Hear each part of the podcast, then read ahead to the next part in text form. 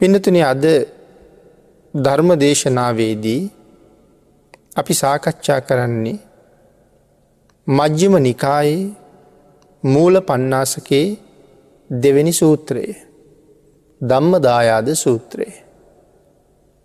ධම්ම දායාද සූත්‍රයේ ඇසුරු කරගෙන එක ධර්ම දේශනාවක් මේ දේශනාවට කලින් සිද්ධ කරලා තියෙනවා. මේ සිදු කරන්න එහි දෙවෙනි ධර්ම දේශනාව.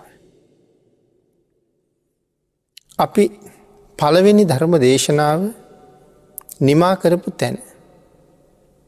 මේ දන් දෙන්නේ කොහොමද කියන කරුණ පැහැදිලි කරපු නිසා හරියටම ආනිසංස ලබන්ඩ දානයක් දෙන හැටි. කෙටියෙන් සිහිපත් කළා. විශේෂයෙන් බුදුරජාණන් වහන්සේ සඳහන් කළා දන් දෙනකොට අනුගමනය කළ යුතු පියවරවල් ගණනාවක්. ඒ අතර සත්කාර කරලා දන් දෙනවා. ගරු කරලා දන් දෙනවා. මානිත කරන ලද්දී. මෛත්‍රී ගුණේ පෙරටු කරගෙන අන්‍යන්ගේ ගුණේ නොනසා දන් දෙනවා. පූජිත මනාව පූජා කරමින් දන් දෙනවා. අපචිත එල ගැන්නේ වන්දනාමාන කිරීම. දන්දීල පිළිගන්වල වැඳල කටයුතු කරනවා. මෙන්න මේ විදිහට දම් පූජ කරහම ඒ දානය මනාව ගරු කරලා දුන්න දානයක් බවට පත්වෙනවා. ඒක ආනිසංස සාමාන්‍ය දානකට වඩා ඉතාමත් මිහලයි. ඊළඟට පිනතේ සඳහන් කළා මනාව දානානිසංසයක් ලබන්ඩ නම් මේ කාරණා දැනගෙනමත් දන් දෙන්න ඕන කියලා. නැත්තන් අපි ඕන තරන් දන් දෙනවා. මෙච්චර මෙච්චර මේ මේ දේවල් දුන්න කියලත් කියනවා. නමුත් එහි අග්‍රපලය උපරිමය ලබාගණ්ඩන මේ විදිහට දන්දිය යුතුයි කියලා සඳහන් කළා. එනම් ඒ සඳහන් කරපු කරුණු ටික අපිටිකක් විස්තරාත්මකෝ සාකච්ඡා කරගෙනම ඉදිරියට කරුණු සාකච්ඡා කරමු. සක්කතෝ හෝති සත්කාර කරල දෙනවා. ඒ ඉතා පිළිවලකට දන්දුන්න කියලා. අපි මුල් දේශනාවත් සාකච්ඡා කළා සැකසීම පිළියල කිරීම පිළිගැන්වීම කියන කාරණා ටික. අපි එතනිදි සැකසීම ගැන කරුණු ටිකක් කතා කළා. එතකට පිළිගැන්වීම ගැනත් කතා කරන්න වටිනවා. අපි බුද්ධ පූජාව ගැන සඳහන් කළොත්. යම් කෙනෙක් මනාව සකසපු බුද්ධ පූජාවක් දැක්කහම හිතේ ඇතිවෙනි පුදුම සතුට. ඒ දැකල බලල ඇතිකරගන්න සතුට පුුණ්‍යානු මෝදනාව ඇතන් දැකලා ලබන කුසල් අනුමෝදන් වීම සාදු සාදු භාගිතුන් වහස ළඟ සිදුකරපු අපූර් පූජාවක්. එතකොට මේ පූජාව බුදුරජාණන් වහන්සළඟ තැම්පත් කරනකොට. සමහර කෙනෙක් මුල්ම අවස්ථාවේ ඉඳලා එතනින් යන්න පුළුවන්. එතකොට මනාව සැකසීම එයා සම්පූර්ණයම දැක්කේ දැක්කෙනෑ චිත්ත ප්‍රීති අඩුයි. එහෙම එහෙම විටිං විට විටිං විට ඉඳල යන්න පුළුවන් සමහර කෙනෙක් සකසලා ඉවර වෙනකම්ම ඉඳල බලන්න පුළුවන්. හැබැයි අර මුලින්ම ඇවිල්ල මුලින්ම යන කෙනාට පැහැදීමක් ඇතිවෙන විදිහට අපි ප්‍රඥාව පාවිච්චි කරලා සැකසීම පටන්ගන්න වන හරි වටිනවා. බුදුරජාණන් වහන්සේළඟ ව්‍යෑන්ජන ටික පිළිගන්වනකොට පිළිගන්වන මේසේ ව්‍යෑන්ජන තියෙන පැත්තේ තැන තැන දීසි ටික තියන්න නැතුව පිළිවලට මුලඉඳල තියාගෙන යනවා. ලැබෙන ලැබෙන දේවල්ටික හාට. අවුල් පත්ටික අනි පැත්තට පිළිවෙලට එතනින් පටන් ගන්නවා. එතකොට පිරිසි පහක් තිබ්බත් මේ පැත්තෙ පහක් තියෙනවා මේ පැත්තෙ පහක් තියෙන. දැක්ක කෙනාට පිළිවලට පැහැදීමක් තියෙනවා. දහයක් තිය හම දෙපැත්තටම දහයක් තියෙනවා පහළවක් තිබා මෙහෙම පිළිවලට පිළිවලට ඉවරවීම දෙපැත්තෙම එක විදිහට පටන් අරගෙන සරහට යනවා.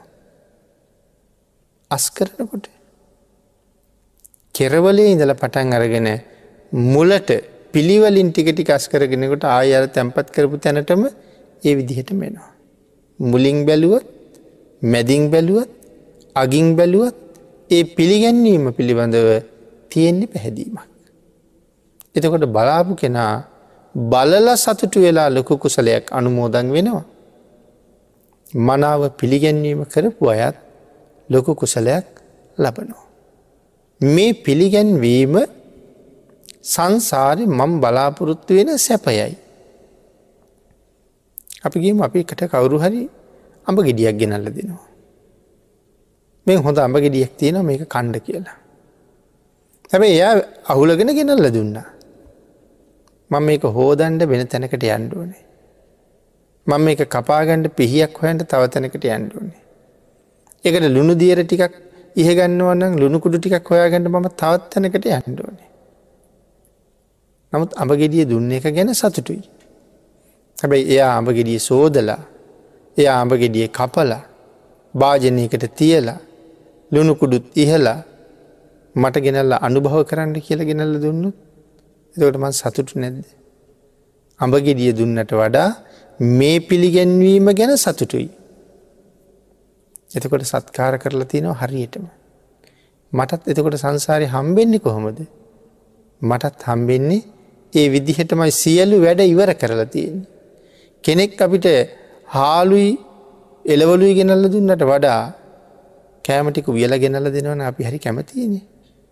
ඒ සංසාරය මට ලැබෙන්ඩ ඕන හැටියට මේ පූජාව අපි සම්පූර්ණ කරන්න ඕනේ. ඒකයි මේ සත්කාර කරන ලද්දේ එල සඳහන් කළේ. මනාව සකසනවා මනාව පිළියලි කරනවා. එතකොට ඊළඟට තියෙනවා ගරු කරන ලද්දී ගරු කතුව හෝති සත්කාර කරන්න ඕන ගරු කරලා දෙන්න ඕනේ. දෙන්නන් වාලෙ දෙනවා කියන එක පූජාව නෙමෙයි. මනාව ගරු කිරීමක් තියෙන්ඩ ඕනේ. එතන ගරු කරනවා කිය හම ළඟට එනකොට පිරිසිදුවයි එන්නේ. එක තම ගරුත්තයේ. දැන් බුදුරජාණන් වහන්සේගේ සුගන්ධ කුටියට අපි යනවා. මේකන විශේෂයෙන් සාකච්ඡා කරන්න ඕන කාරණාව. භාගිතුන් වහන්සේට ගරු කිරීමක් අපි ළඟ තියෙනවනන් දවස තිස්සෙම වැඩ කරලා අපිට ඒ සුගන්ධ කුටියට යන්නඩන හිතෙන්නේ. දාඩී වැගිරිලා දාඩිය දුර්ගන්ධයෙන් පිරිලාපි. බුදුරජාණන් වහන්සේ සියලුම කෙලෙස්වලින් තොරයි නික්ලේසි පරම පවිත්‍රයි. භාගිතුන් වහසගේ කොහෙවත් අපිට කෙලෙස් කුණු දුර්ගන්ධයක් නන්නේ. අඩ්ඩුම තරමේ බුදුරජාණන් වහන්සේගේ සම මතු පිට කිසිම දූවිල්ලක්වත් රැඳෙන්නේ රැඳෙන්නේ නෑ. දූවිලි ඕන තරම් ශරීරි ගැටෙනවා. නමුත් නෙලුම් පතකට වතුර දැම්මහම එහි නොරැඳීම අහකට යනවා වගේ භාගිතුන් වහසගේ ශරීර දහතු යුදුවිලි රැඳෙන්නෙම රැඳෙන්නෙම නෑ. එත් තරම්ම පවිත්‍රයි. එතකොට අභ්‍යන්තරයේ කෙලෙස් කුණුවලින් කොහෙවත් අපවිත්‍ර බවක් නෑ. අපි එවන් භාගිතුන් වහසලඟට යනකොට. කොහොම පිරිසිදු වෙලා යායුතුද. අපි නං කොහොම පිරිසිදු වනත් මති. අපි ගාව සීමාවක් නැති තරම් දුර්ගන්තයි. හැබැයි අපි ගාව දුගඳ තියෙන බව අපිත් සමහර වෙලාවට හිතන්නේ නෑ. කෙනෙක් දවස් දෙකක් විතර නාන්නැතුව ඉඳල වැඩ කරලා අපි ඇඟින් ඇවිල්ල වාඩි වෙනවා. අපිට එයාගේ දාඩිය ගඳ හොඳටම දැනෙනවා. අපි ළඟ ඉන්න කෙනෙකුගේ මූුණ දිහත් බලනවා. අපි නහයත් ටිකක් අකුල ගන්න. කෙනෙක් දවස් කීපයක් දත් මැදලනෑ. කතා කරනට හරීම දුර්ගන්ධයි. අපි අප්‍රිය කරනවා. නමුත් අපි ගාවත් ඒ දුර්ගන්ධය මම දවසත් දෙකක් දත් නොමැන්දොත් ඒත් එහෙමයි අපි දවස් දෙක තුනක් නෑවි නැත්තං ඒත් එහෙමයි ඔහු ගාව විතරක් නෙමේ අපි ගාවත් ඒ දුර්ගන්ධය එහෙම්මම තමයි. නමුත් බුදුරජාණන් වහසලගේ එහෙම මොකොවත්ම එම මොකොවත්ම නෑ. අපි හොඳට නාලා. ඉතාම පිරිසිදු ඇඳුම් ඇඳලා. හොඳටම සුවඳ ගල්වගෙන බුදුරජාණන් වහන්සේ ළඟට ගියත් බුදුරජාණන් වහන්සේට ඒත් අපි ගාව ඒත් අපි ගාව දුරගන්ධයි. ඇයි කෙලෙස් සොල ගඳ. අපි කෙලෙස් නැතිකරපු අය නෙමේනි. භාගිතුන් වහසනම් කෙලෙස් තිබුණ පාටක්වත් නෑ. නැත්තටම නෑ. එ තරම්ම පිරිසිදුයි. අපේ පිරිසිදු ඇඳුමයි පිට පැත්තේ හමයි විතරයි. අභ්‍යන්තරයෙන් පිරිසිදු ඇත්තෙම නෑ. රාගේ තියෙනවා දවේශය තියෙනවා ආදී තවත් නොෙක් කෙලෙස් කුණුවලින් පරම අපවිත්‍රයි. පිට පැත්තෙන් අපි හොඳයි වගේ පේනවා. ඇතුළතින් කෙලෙස්වලින් කුණු වෙලා ඉන්නේ. සීමාවක් නැති කෙලෙස්. භාගිතුන් වහසට ඔක්කොගෙම දුර්ගන්ධයි. නමුත් අපිට කෞුද දන්න මේ ජීවිතේ කෙලෙස් නැති කරලම බුදුන් ළඟට යන්න පුළුවන් වෙයිද කියලා. නමුත් තියෙන ගරුත්වය නිසා තමයි හොඳට නාගෙන හොඳ ඇඳුමක් ඇඳගෙන පිරිසිදු වෙලා බුදුරජාණන් වහස ගවට යන්නේ ඇයි බුදුකුටියට එහෙම යන්නේ ඇයි අපි ගරුත්වය නිසා. ආං ඒකටයි මෙතන කියන්නේ ගරු කතුව හෝති. ඉතාම ගරු කරල දෙනවා. ආං එහෙම ගිහිල්ල නිකම්ම දික් කරනවද භාගිතුන් වහසර දානි ටික ස්වාමීන් වහසර දානි ටික නෑ අපි ළඟට ගෙහිල්ල අපි දනිහක් බිමතියල තමයි ආහාරටික පිළිගන්නන්නේ. ගුණයට ගරු කරලයි දෙන්න. හැබැයි එහෙම දුන්න කියලා අපිට පාඩුද ඊළඟට අපිට ලැබෙනකොටත් දෙන්නේ එහෙම ගරු කරලා තමයි. එහෙම නැත්තං මෙතන බට්ටික බෙදලා ඔන්න ගණ්ඩ කියල පිගාන තල්ලු කරලය වන්නේ. ආං මුට්ටිය තියෙනවා කැමතිනං බෙදාගණ්ඩ කියල කියන්නේ නෑ. බෙදල්ල ළඟට ගෙනල්ල පිළිගන්වන්නේ මෙදා අපි එහෙම කරලා තිබුණහම. අද ගරු කරලා දුන්නහම මටත් සංසාරය ගරු සම්මාන සහිතවයි ලැබෙන්නේ. ඒකයි මංකිවේ මේ සැලසුම් කරන්නේ සංසාරි කියලා. නිවන් දකිනතුරු මේ සසරේ මටත් ගරු සැලකිලි ලැබිය යුතු විදිහට ලබන්ඩ කැමති විදිහට ම මේ ජීවිතය දෙන්ඩුවනේ. මම මෙහෙම කැමති මට ලැබෙනවට. මම කැමති විදිහට මම දෙන්ඩුවනේ. එකට මට ඊළඟට එහෙම ලැබෙන. ගරු කරල දෙනවා කියල කියන්නේ එකයි. ඊළඟට අපි ගරුත්වය නිසා බුදුරජාණන් වහන්සලකට යනකොට පාද සෝදගෙන තමයි යන්නේ. බුදුගෙට කවදාවත් ප්‍රඥාව තියෙන කෙනෙක් ශ්‍රද්ධාව තියෙන කෙනෙක් ආපු විදිහට මොහයන්නේ. ඉසල පාද සෝදනවා. ඇයි බුදුරජාණන් වහන්සේ මේ දූවිලි කුණු තියෙනවට අකමැති. ඒ පිළිබඳව කරුණු දක්වන තැන්ත්‍රපිටකේ වෙනම තියෙනවා. භාග්‍යතුන් වහසෙත් පවිත්‍රයි වැඩඉන්න තැනත් එහෙමයි. එහින්ද අපි අපි හිතම අපිට බුදු මැදුරුව අමතින්ට අවස්ථාවල් ලැබුණ කියලා. අපි ඉස්සරලාම සාමාන්‍යගේ යමදිනකොට අපේ සිරිත ඇත්තුලෙම ඉඳලා එලියට ඇතුගාගෙන යනවා. නමුත් හරියටම හිතුවොත් බුදුරජාණන් වහසේ අකමැතින දූවිලිකුණු පවාලං රැඳෙනවට අපිට සිද්ධ වෙන්නේ එලිය ඉඳලා ඇතුළට ඇන්ට. එලිය මාලේ ඇමදල පාපිසියාදිය ගසාදාලා නැවතේව තැන්පත් කරලා ඒ දේවල් වල පය පිහගෙන ඊළඟ තැනට යනවා.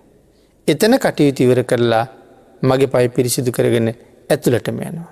ඇතුළ ඇමදලා වෙන මහකට දානවා.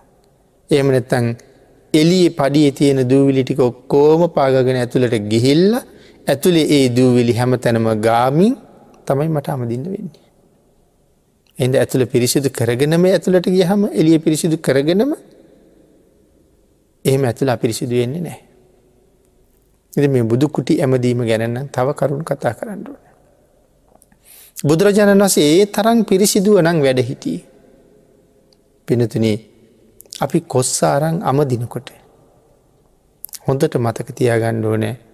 මම මේ මොහොතේ බිමට තිබ්බේ කොස්සේ යම් පැත්තක්ද ඇමදලා ඉවර වෙනකම්ම ඒ පැත්තම යට තියන්නුවනි. මේ පැත්තෙන් ටිකක් ඇමදලා කොත්ස අනි පැත්ත හරෝල කලින් ඇමදපු පැත්ත උඩට තියලා උඩට තිබ්බ පැත්තෙන් යටට තියලා ආයමදිනකොට අර කොස්ස බිම තියෙන වාරයක් වාරයක් ගානි අර උඩ රැඳිල තිබිච්ච දූවිලි ටික ඇවිස්සි ඇවිසි ඇමදපු පැත්තට ආය වැටෙනවා. හැබ අපිට පේනෑ සියුම් දූවිලි. එතකට මම හරියටම පිරිසිදු කලා වෙන්නේ වෙන්න නෑ. දනගහල ප්‍රාර්ථනාවක් කළොත් ස්වාමීනී සුගන්ධ කුටිය මං පිරිසිදු කලා වගේ මගේ හදවතය කෙලෙස්කුණුත් පිරිසිදු ඒවා. මං පිරිසිදු කරලා තියන්නේ තැන්න තැන කුණු ඉතුරු කර කර. එහෙම නොවෙන්ඩ අමදින්ට වෙනම ප්‍රඥාවකින් ඒක හිතන්ඩෝනේ. ඇත්තුල්ලම අමදින සුගන්ධකුටිය ඇත්තුලම අමදින කොස්සට තව සුවඳ වර්ගයකුත් ආලේප කරලා සුවඳ වර්ගයක් ගල්වලාම දින්න පුලන තවත් වටින.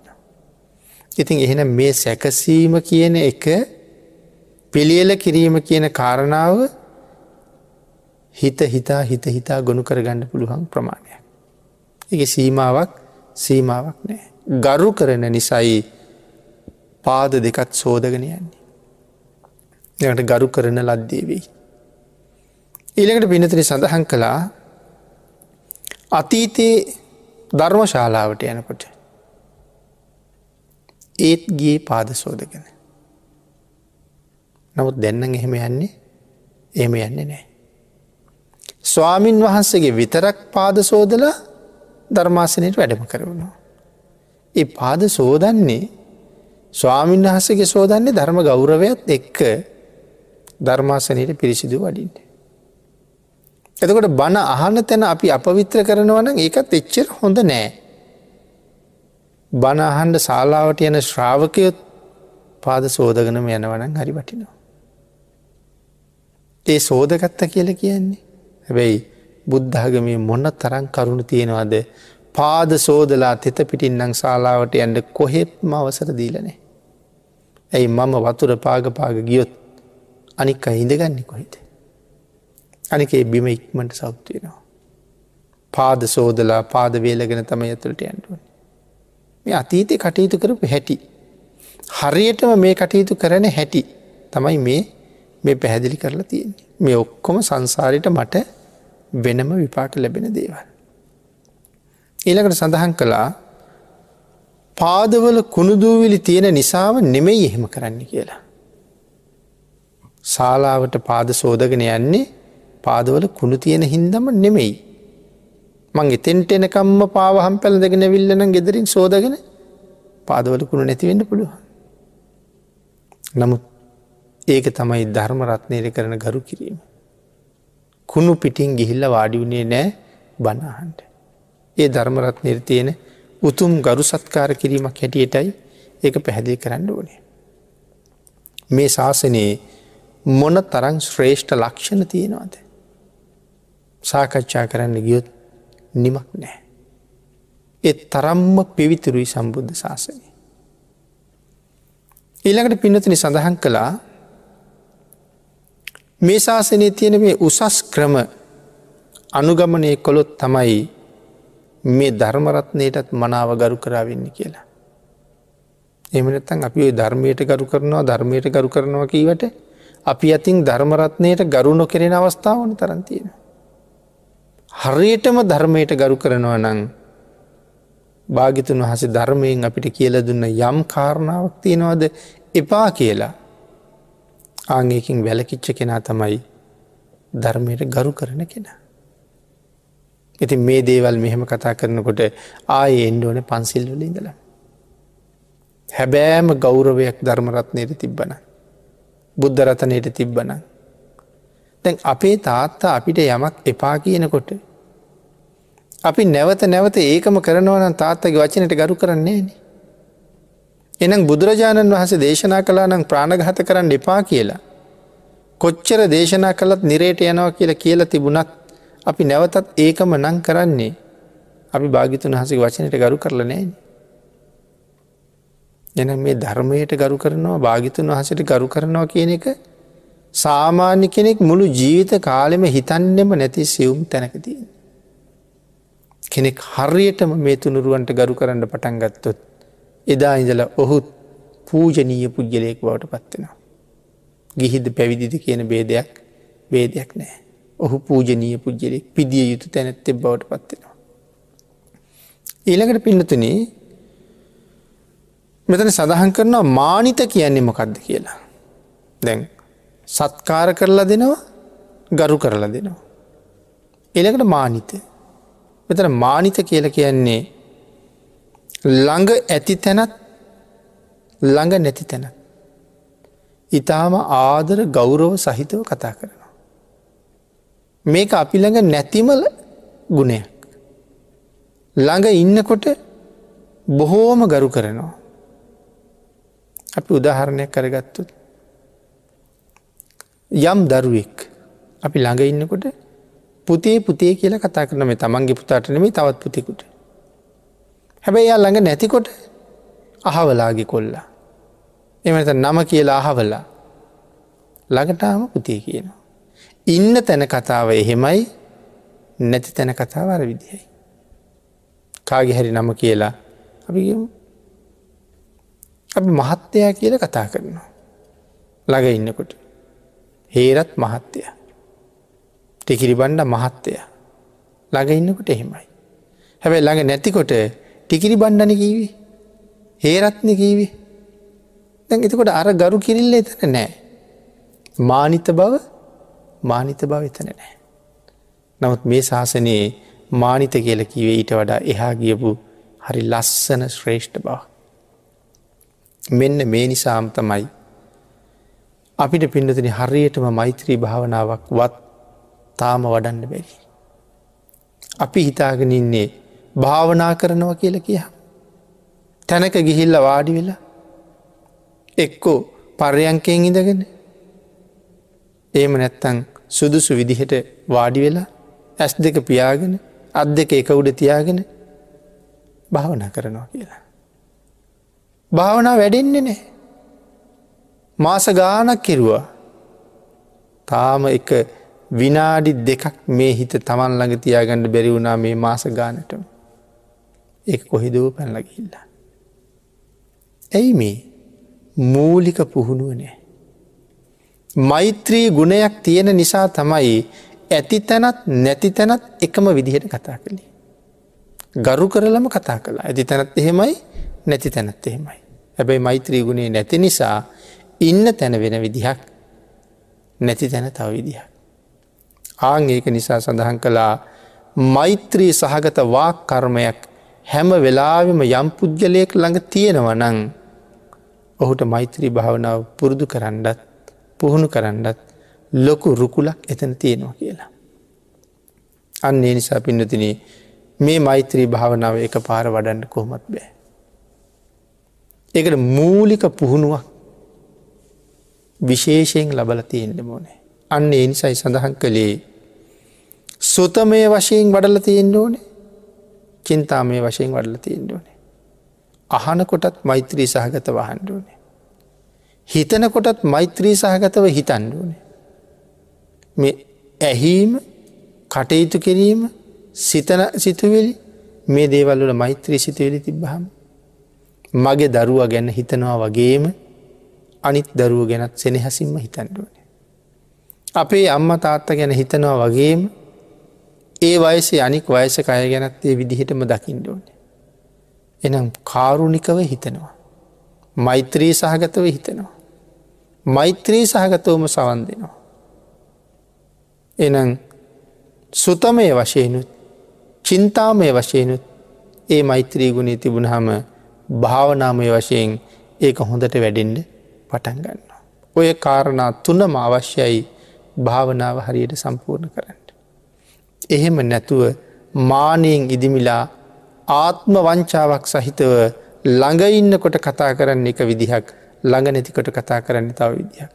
ළඟඉන්නකොට සලකන්න තව විදිහක් ළඟ නැතිකොට සලකන්න තව විදිහක් නං අපි ගව තාම මෛත්‍රී සහගත වාක් කර්මත් නෑ මෛත්‍රී සහගත කාය කර්මත් නෑ මෛත්‍රී සහගත මනෝකර්මත් නෑ. ඔය තුනම නැතුව ඉඳගෙන භාවනාව විතරක් වඩන්ඩ පටන්ගත්තට ඒක ඇති වැඩකුත් එක ඇදි සාර්ථක බවකුත් නෑ. කොයි තරං ගැඹුරුද කොයි තරං ලස්සනද ශාසනය ප්‍රතිපදාව මේ ප්‍රතිපදාවට බහින හැම කෙනෙක්ම ඇතුලතින් පිටතින් දෙපැත්තෙම ලස්සනයි. එළඟට මුලින් සංකල්පමය වශයෙන් අපි හැම කෙනෙක්ම දියුණු වෙන්ඩුවනේ. ඊට පස තමයි ආධ්‍යාත්මික වශයෙන් දියුණුව කාරම්භ වෙන්නේ. අන්න ඒ නිසා මේ මෛත්‍රී භාවනාව මූලික පියවර ඇති තැන නැති තැන හැම තැනම අපි කතා කරනවන එක්කම විදිහක් වෙන්ඩුවනේ. මානිත කියල කියන්නේ එකයි. ඊළඟට සඳහන් කළා පූජිත මොකද පූජිත කියල කියන්නේ. සිව්පසයෙන්ම පූජා කරනවා කියන එකට තමයි මෙතන පූජිත කියල කියන්නේ. සේනාසන දානය විශේෂයෙන් විස්තර කරන්න කියනවා කාගි සේනාසදාන් සේනාසන දානයද විශාකා මහදේවියගේ සේනාසන දානය. මේ පූජිත කියන තැන කතා කරනකොට. අට කතාව එහෙම්මම කියනවා. විශාකා මහදේවියගේ සේනාසන පූජාව ගැන විස්තර කරන්න කියන. ඒ කාරණාව කියනකොට දානය දන් දෙන පුද්ගලයා කොටස් තුනකට බෙදෙනවා. දාන දාසයා අනික් කෙන දාන දායකයා අනික් කෙන දානපතිය දාන දාස දාන දායක දානපති. දාන දාස කියල කිව්වේ තමන් පරිහරණය කරන මට්ටමට වඩා පල්ලහැ මට්ටමේ දන් දෙනකොට. එතකොට දාන දායක කියල කීවේ තමන් පරිහරණය කරනවන්න යම් දෙයක් ඉට සමාන දේවල් දෙන එක. දානපති කියල කීවේ තමන් පරිහරණ කරන දේට වඩා උසස් දෙයක් දන් දෙෙනවට. මේ ආරාම පූජාව ගැනනි කතා කරන්න කිව. සමහර වෙලාවට අපි දකිනවා බොහොම උසස් කුටි පූජාවල්. තාම උසස්. එහෙම තමයි හිතල තියෙන්නේ. නමුත් හදල තියෙන්නේ කණු හිටවල මැටිගෙන හිල්ල බිමට දාලා පිල උස්සලා හදල උඩින් අතු සෙවිලි කරන වටේට පැල්ලි බැඳලා මහානිසංස සහිත කුටි පූජාවක් අල්පේච්ච උතුමන්ට කරපු කුටි පූජාවක් එහෙම සමහරලාට සමාජ මාධ්‍යය එහෙම දකිනවා මහා පූජාවක් කලා කියලා. හැබැයි ඒ කුටිය හදපු අය සමහර වෙලාවට ඉන්නේ බොහොම පුදුම නවීන පහසුකං සහිත ගෙදරක. දැන් එතකොට මේක මේ දානය කොතනද තියෙන්. මගේ ගෙට වඩා ඉතාම පල්ලහැ අවම පහසුකන් තියෙන කුටියක් තමයි මං පූජ කරලා තියෙන්නේ. එතකොට එයා දාන දායක ළඟවත් නෑන දාන දාස. නමුත් මේ ශාසනයේ දානය ගැන දන්නේ නැති නිසා මැටි ගහලා එහෙම හදලදිල් අපි හිතාගෙනන්නේ දාන ප්‍රති පින්කමක් කලා කියලා. ඉතින් එක අවබෝධයක් නැතික. වැඩඉන්න උත්තමයන් වහන්සේලා ඒ විදිහට ඉල්ලීමක් කරලා තිබුණන අපට ඒක කරලා දෙන්න වෙනවා. නමුත් අපි අපි හිතල කරනවා නං තාම උසස්ම මට්ටමෙන් නිමා කරන්න ඕනේ. අන්න ඒවත් දැනෙන්ඩ තමයි මේ දානය විස්තර කරන්න කියෙන්. විශාකා මහ පාසිකාව බුදුරජාණන් වහන්සේට හදල පූජා කරපු ආරාමයමකක්ද පූරුවරාමේ.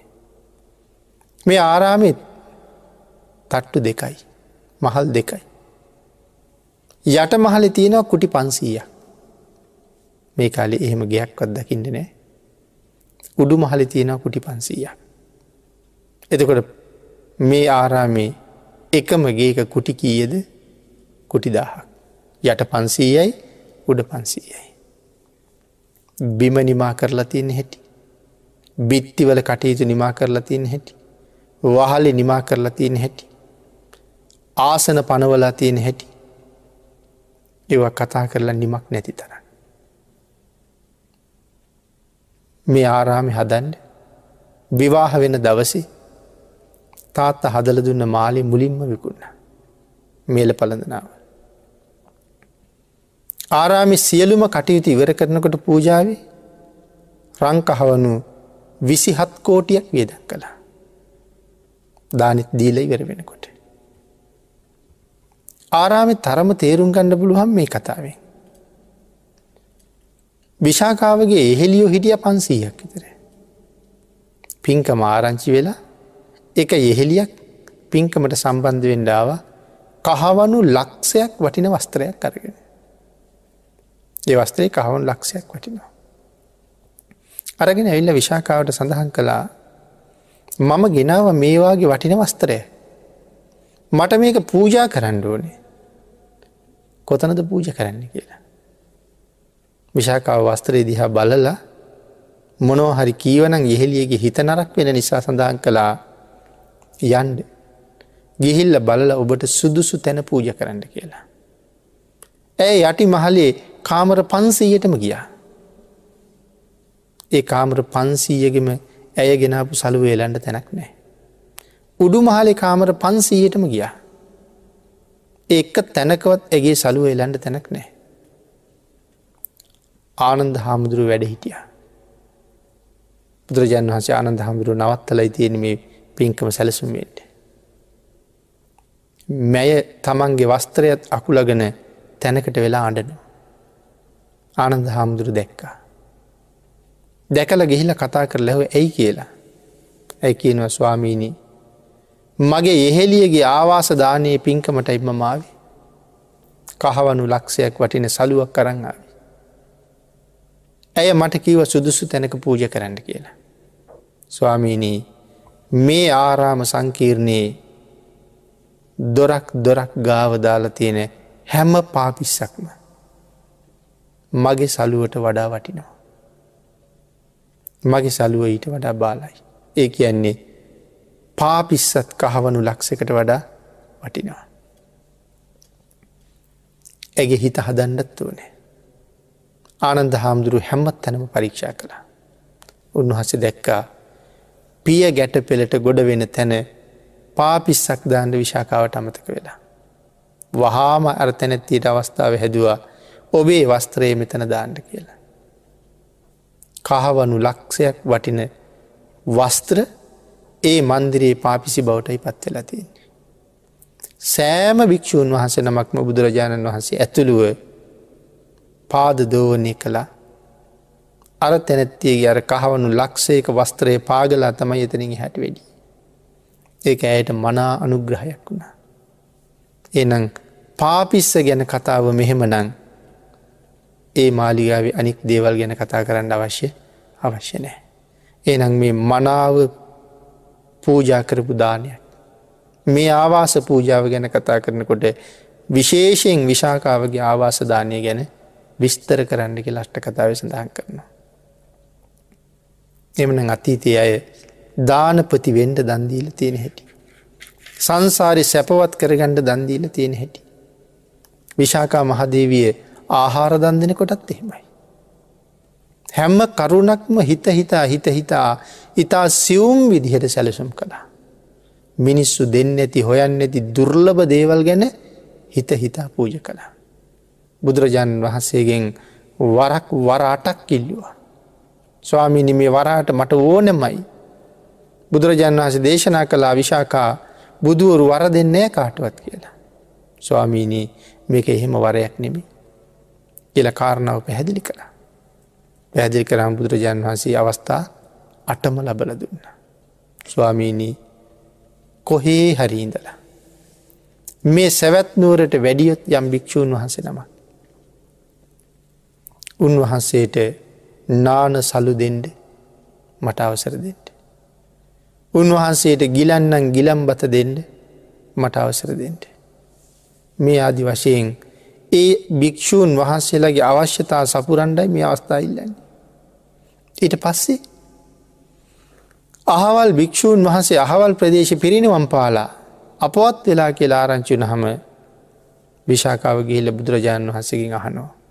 ස්වාමීණී ඒ පිරිනිවම් පාපු රහතන් වහන්සේ සැවැත් නුවරට වැඩල තියෙනවද කියලා. සැවැත් නුවරට වැඩල තියෙනවා විශාකා කියල භාගිතුන් වහස සඳහන් කරහම දෝත නලලිතියාගෙන සාදු කියනවා ස්වාමීනී එහෙනං උන්වහන්සේ මේ විශාකාවගෙන් පූජාවක් පිළි අරම්ම තියෙනවා. ඇයි අර වර අට ඉල්ලන්නේ සැවැත් නුවරට වඩින කිසි කෙනෙක් මගැරෙන් නැතිවෙන්න. ආං එහෙම පවා දන්දීලා ඇයි මොකද සඳහන් කළේ. ස්වාමීනී මේ දානය මට තැන් සෝවන් වෙලා ඉන්නේ. සකදාගාමී අනාගාමී භවය උදෙසා. මේක මට ඉන්ද්‍රිය භාවනාවක් වේවා. මේ දානය. මට බල භාවනාවක් වේවා මේ දානය. මට බොජ්ජංග භාවනාවක් වේවා මේ දානය. ඇය දන්දීල ඒ දානය නිවන පැත්තටම පරිවර්තනය කරගෙන. ප්‍රඥාවන්තයා ඉතා සියුම් සුළු දේපවා හොයලා සංසාරෙන් ගෙතරයන්ට කටයුතු කරගන්න හැටි. ඊළඟට අපචිත අපචිත කියල කියන්නේ වන්දනා කරනවා. සඳහන් කරනවා ඉන්න තැනත් ඉන්න වෙලාවිත් නැති වෙලාවිත් ගැරු කරනවා. අ කතා කරනවා වගේ. ඉන්න තැනත් නැගිටිනවා. ආසනයෙන් නිමන්ත්‍රණය කරනවා. අපචිතය. තමන්ට වඩා වැඩිමල් කෙනෙක් කවත්. තමන්ට වඩා බාලවනත් ගරු කළ යුතු කෙනෙක් කවත්. එහෙම නැත්තං තමන්ගෙන් උපකාරයක් ලැබිය යුතු කෙනෙක් කවුත්. වහාම ආසනින් වාඩි වෙලාන නැගිටිනවා. නැගිටලා එන්න වාඩි වෙන්න කියනවා. අපිගෙම වස්ස කියනවා. හිටගෙන ඉන්ඩ බැරි කෙනෙක් කාවා. සත්පුරු ශේක් දැක්ක හම තමන්ට නැගිටින්න පුළුවන්න වහාම නැගිටලා ආසනය පවරනවා. කෝච්චිය දැක්කොත් වහාම නැගිටලා ආසනී පවරනවා. ගරු කිරීමක්. සත්කාර කිරීමක්. වෙන කොතන හිටියත් වැඩි හිටියෙක් කවුත් පිදිය යුතු කෙනෙක් කවුත් වහාම නැගිටලා තමන්ගේ ආසනය ලබා දෙනවා. ලබල දීල විතරක් නෙමෙයි ගුණය නිසා දනගහල වන්දන කරනවා. එන අපචිත වන්දන මාන කරනවා. ඉළඟට පින්නතිනේ මෙතන වන්දනා කරනවා කියලා කියව හම බුදුරජාණන් වහස දේශනා කරනවා පංචාංගයක් තමන් තුළ තියාගෙන වඳින්න ඕන කියලා. මොකද මේ පංචාංගයක් උපදවාගෙන වඳින්න කියල කියන්නේ. අපි කියනවා පසඟ පිහිටවල වඳිනවා කියලා. ගරු කළ යුතු උතුමන්ට අම්මට තාත්තට අපි වඳිනකොට පසඟ පිහිටවල වඳින්ට ඕනේ. කොහොමද මේ පසඟ පිහිටවල වඳිනවා කියල කියන්නේ. අපි සාමාන්‍යෙන් පසඟ පිහිටුවල වඳිනවා. හැබැයි අපේ වන්දනාව ටිකක් වැරදි. එන නියම් හරියටම පසඟ පිහිටවල වඳිනවා කියන්නේ. අපි සලකන කාරණා ටික හරි දෙදන්න බිමතියෙන්ට ඕන්නේ දෙවැල්ල මිට බිමතියෙන්ට ඕන්නේ නල්ල බිමතියෙන්ට ඕන්නේ. නමුත් වන්දනාව පටන්ගණ්ඩ ඕනේ දෙදන්න බිමතියල දෝත නගල නලල මත තියාගෙන වැඳගෙන තමයි පාත්තෙන්ට ඕනේ. ඒ වඳිනකොට දෑත එකතු කරහම ඇතුළ කුහරය හිස් වෙන්ඩෝනේ. සමහරලාට අපි දකිනවා අත්ලෙන් අත්ල තද කරගෙනත් ඇගිලි එකතු කරන්න පුළුවන්. ඇතුළෙ කුහරයක් තියල නික නෙලුම් පොහොට්ටුවක් වගේ දෑත එකතු කරන්නත් පුළුවන්. ඒක තමයි නියම දෑගිලි බැඳි නියම වන්දනාවට ඇගිලි එකතු කිරීම. අංජලි කරණීය. අන්න එහෙම නලලි දෝත තියාගෙන පාත්තෙන්ට ඕනේ. එක තම නියම පසක පිහිටවල වන්දනාව පටන්ගන්න හැටි. මම අපේ සූත්‍රවල සහ අට්ට කතාවල්වල මේ කරුණු පැහැදිලි කරලා තියෙනවා. ඇති ගෙනම් මනාව ගරු කරලා වඳිනවනං එහෙම වඳින්ට ඕනේ. එහෙම වැඳලත් නලල බිම තියල ගරු කළ යුතු කෙනාගේ පාද තමන්ගේ අතින් අල්ලගෙන හාත් පස සම්බාහනය කරන්න ඕනේ. කොසොල් රජ්ජුරුව බුදුරජාණන් වහන්සේට වඳිනකොට. විළුම්ඹ පැත්තේ ඉඳලා රජ්ජිරුවන්ගේ අතින් සිරිපා දහතුව සම්බාහනය කරනවා. සම්බාහනය කලා විතරක් නෙමෙයි. සම්බාහනය කර කර තමන්ගේ නමත් කියනවා. නාමංසාවිත්වා. ස්වාමීණි මම කොසොල් රජුවමි ස්වාමීනි මම කොසොල් රජවීමි කියලා නම කිය කියවඳන්නේ. අඥා කොන්්ඩංජ මහරහතන් වහන්සේ. පිරිනිවන් පාණ්ඩ බුදුරජාණන් වහන්සේගෙන් අවසර ගණ්ඩ ඇවිල්ල භාගිතුන් වහසලඟ පසඟ පිහිටෝල වැඳල සිරිපාදහතුව දෝතින් අල්ලගෙන ස්වාමීනි මම කොන්්ඩංජවෙමි. ස්වාමීනි මම කොන්්ඩංජවෙමි කියලා සිරිපාද සම්බාහනය කර කර වඳිනවා. අම්මතාත්තට වඳින කොටත්. මව්පියන්ගේ දෙපාය මත දෑත තියලා දෙපත්තුල සම්බාහනය කර කර යම් කෙනෙකුට වඳින්න පුළුවන්නම් එක හරි උතුම් වන්දනාවක්. පෝජ්‍ය පක්ෂයට වඳිනකොට එහෙම වන්දනා කරන්න පුළුවන්නම් එක හරි උතුම් වන්දනාවක්. එනම් අපචිත කියන කාරණාව හරියටම සම්පූර්ණ කරන්න කටයුතු කරන්න බොහෝ කරුණු බොහෝ කරුණු තියෙනවා. ඊළඟට පංචාංගයක් කියලා අපි සඳහන් කරපු කාරණා ටික අපි දන්න කරුණු ටිකයි පාත්වෙනකොට දෝත නලල මත තියාගෙනම පාත්වෙන එක තමයි මෙතන සඳහන් කරන කාරණාව. ඊට පස්සේ පාත් වන හම දෝත දිගැල්ල නලල බිම තියන්ඩ ඕනේ. පහසුනං හරියටමනං නලල බිම තියලා ඊළඟට දෑත පූජිත පුද්ගලයාගේ දෙපය මතට යන්ඩුවනේ. හරියටම වඳින වන්දනා කරන හැටි. මේවා එච්චර ප්‍රසිද්ධ නෑ මේ කරුණු. ඇයි ප්‍රසිද්ධ නැත්තේ. ප්‍රසිද්ධ නැත්තේ මෙව්ව බුද්ධාගමී මූලිකම කරුණු. ඒ නිසා එව්වක් අමුතුවෙන් ප්‍රසිද්ධ කරන්න දෙයක් නෑ.